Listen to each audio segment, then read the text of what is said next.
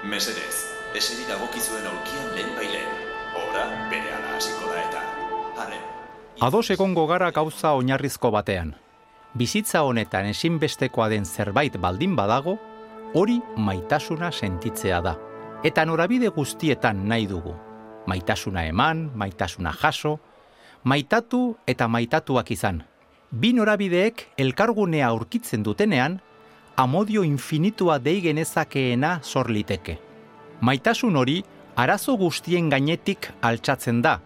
Gizakiak gatazkak sortzeko duen ezintasun amaigabean sortzen dituen oztopo guztien gainetik.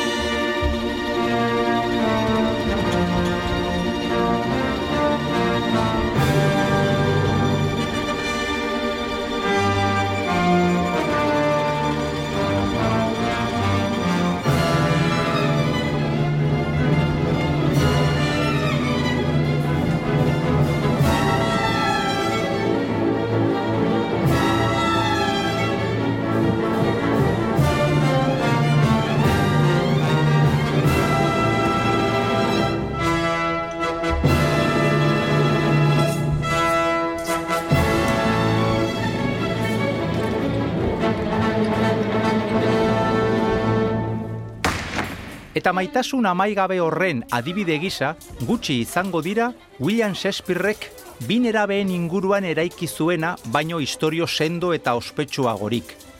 Familia aurkarietako kideak biak alabiak. Eta hala ere, erremedio gabe maitementzen direnak eta beren familietan nagusi den gorrotoaren aurrean maitasunaren alde egitea erabakitzen dutenak. Ia ezinezkoa egiten zaie liskarraren jatorria gogoratzea, baina bizirik dago, ankerki bizirik. Neska, kapuleto arra, mutila, montesko arra. Biak, beronakoak, eta beren buruekin zerikursirik ez duten arrazoiengatik, etxai amorratuak. Baina, Enrique, ez dugu idazle ingeles pikaina hitz egingo ezta? Naomi Mendizabal, ah, ze sorpresa zu hemen aditzea. Operaz ikasteko desiatzen nago, Enrique, eta denboraldi honetan zure inguruan topatuko nauzu apunteak hartzen. Primeran iruditzen zait. Tira ba, lehen kapitulo honetan, Shakespeare idazlearen baimenarekin Charles Gounod frantsesak haren obran oinarrituta egindako operaz hariko gara. Gu, batez ere, operarekiko maitasunak mugitzen bai gaitu, ezta? Noski,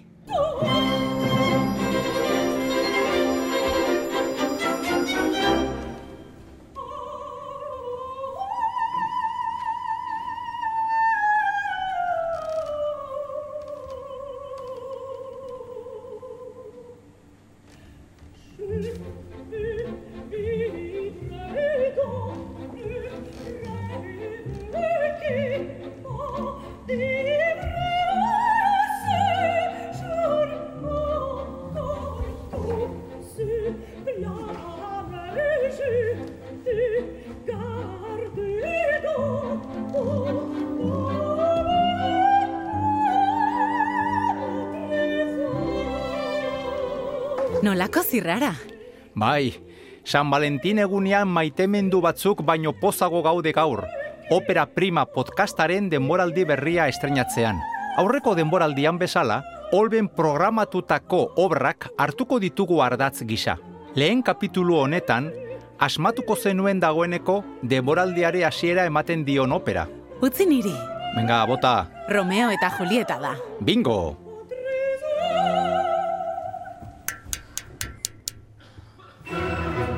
Enrique Bert naiz eta hau Opera Prima podcastaren bigarren denboraldia da. Lehenengo atala, betirako maitasuna.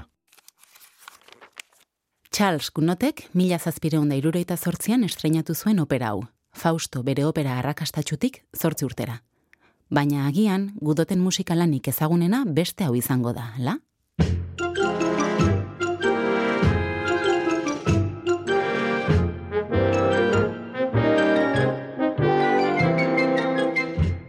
Gogoratzen zara Enrique? Alfred Hitchcockek aurkezten du telebista saioaren sarrera musikala zen. Bai, baina lasai, gaur ez dugu alako suspentserik izango. maite minduen zore gaiztoko amaiera jakina baita. Bitxia da, gunodek emeretzi urte zituenetik izan zuela obra hau idazteko gogoa. Berliozen, Romeo eta Julieta sinfonia dramatikoaren entxegu batera joan zenetik. Pieza oraindik argitaratu gabe zegoen, baina gunot gazteak zati luzeak buruz ikasi zituen, eta handik egun batzuetara buruz jo zituen Berlioz arrituaren aurrean. Baina mila sortziron da bost garren urter arte, gunot ezen obra hau idazten hasi, berrogeita sortzi urte zituelarik. Emazteari bidalitako gutun batean, Romeo eta Julieta idaztea berriro hogei urte zituen garaira itzultzea bezala izan zela aitortu zion.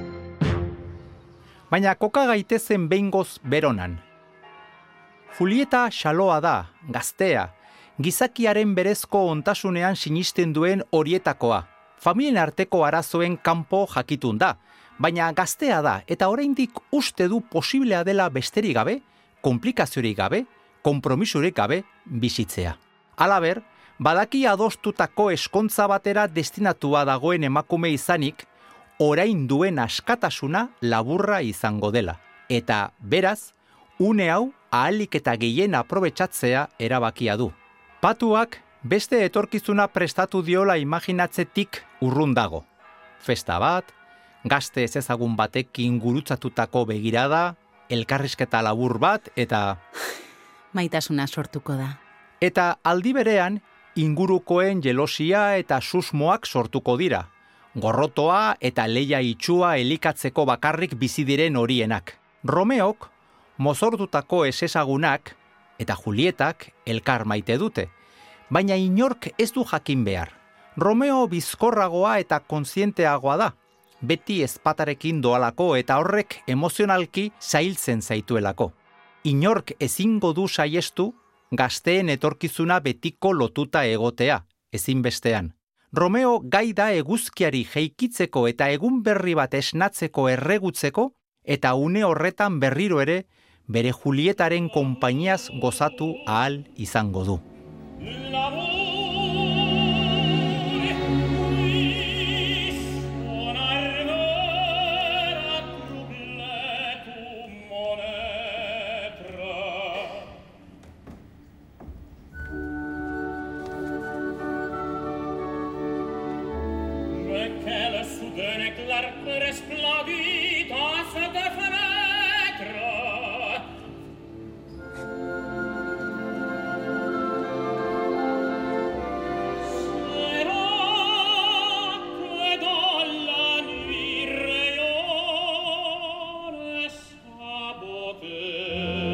Gazteak inguruan duten gorrotoaz jabetuta, urrats guztiak zehatz mehatz prestatu, isilpean diseinatu, eta sekretu handiz praktikara eraman beharko dituzte.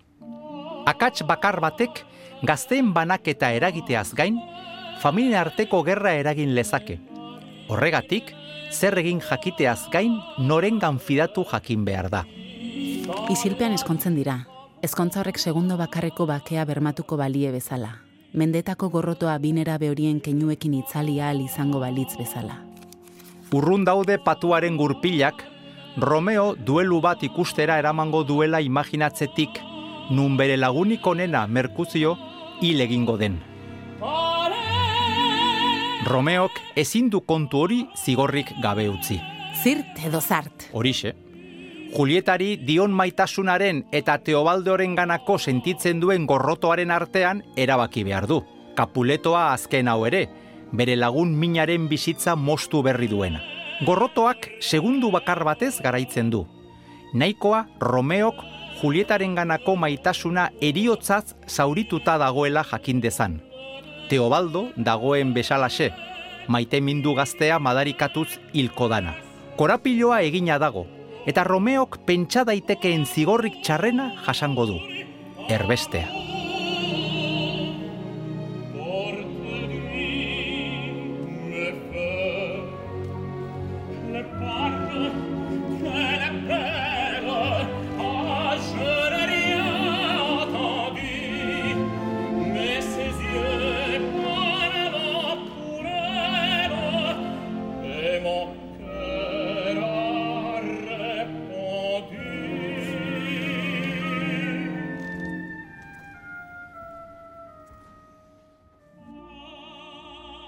Bizitza galduko balu, ez legoke sufrimendu gehiagorik, baina erbestea, bere bizitza gazteko egun bakoitza Julieta ikusi gabe bizitzea da. Arekin hitzegin gabe, bere ondoan arnasarik hartu gabe. Eta bikote maitemindu batentzat, zigorrik txarrena banaketa da. Horregatik, edozein irtenbide zoroa badirudi ere, hobe da bere izketa traumatiko hori onartzea baino. Eta Julietak itxu-itxuan onartuko du Aita Lorentzoren proposamena. Drogekin bere eriotza itxuratzea. Eta ondoren, Romeorekin modu klandestinoan berriz elkartzea. Biak inguratzen dituen gorroto ergeletik urrun bizi ahal izateko.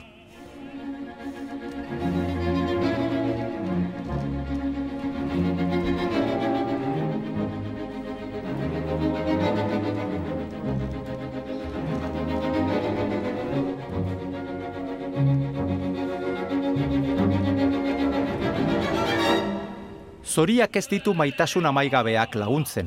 Romeo ez dute behar bezala informatuko Julietaren eriotza faltsuaren berri izango du, eta bere hilobiaren ondoan posoitzea erabakiko du, azken bidaia elkarrekin egiteko. Eta bera hilzorian dagoen bitartean, Julieta drogaren eraginpetik esnatuko da. Orain bai, maitasuna betierekoa bihurtuko da.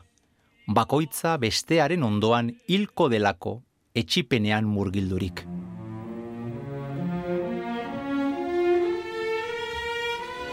Izan ere, amodio mugagabeek badute berezitasun hori. Zorte onak, adurrak eta zorionak ez dituztela laguntzen. Aitzitik, infinitua eriotzan bakarrik bilatzeko diseinatuak dirudite. Eta gaur, mende batzuk geroago, maitasun horiek ulertzen zaila dirudien miresmen kutsu bat pizten jarraitzen dute guregan. Sentsazioa dut historia hau behin baino gehiagotan ikusi izan dudala pantalla handian.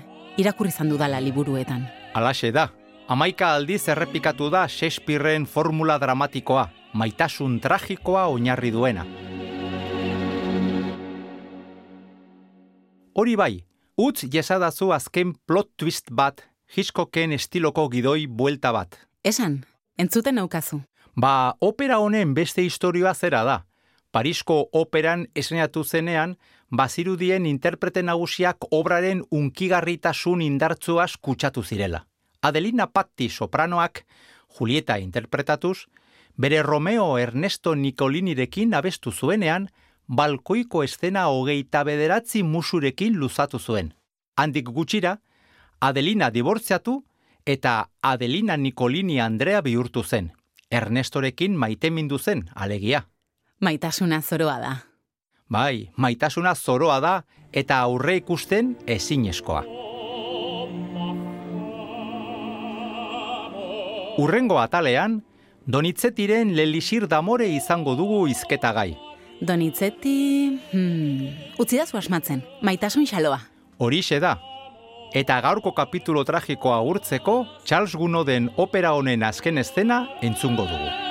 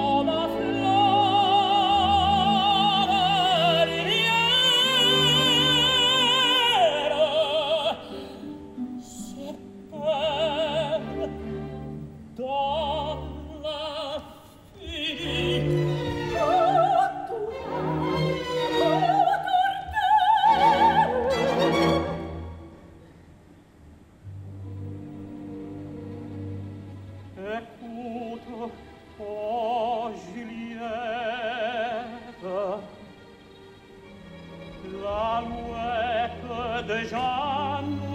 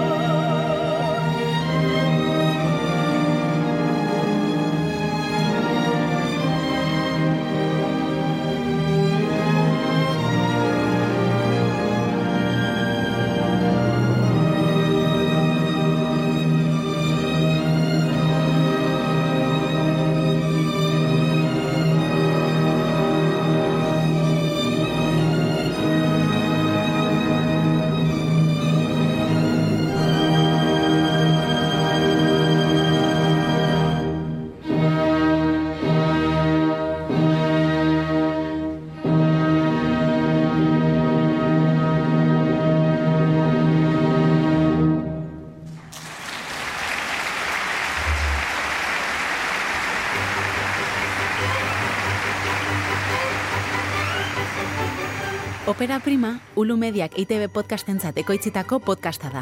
Abao Bilbao operaren laguntzarekin. Zuzendaria, Enrique Bert. Lokuzioak, Enrique Bert eta Naomi Mendizabal. Gidoia, Enrique Bert, Martin Etxeberria eta Xabier Etxeberria. Soinu diseinua, Oier Arantzabal eta Jon Gartzia. Gogoratu Opera Prima podcasta entzun gai duzula audioplataforma guztietan. Arpidetu eta gustokoa baduzu, partekatu familia eta lagunen artean. Ei, txt, entzun hori. Ulu Media.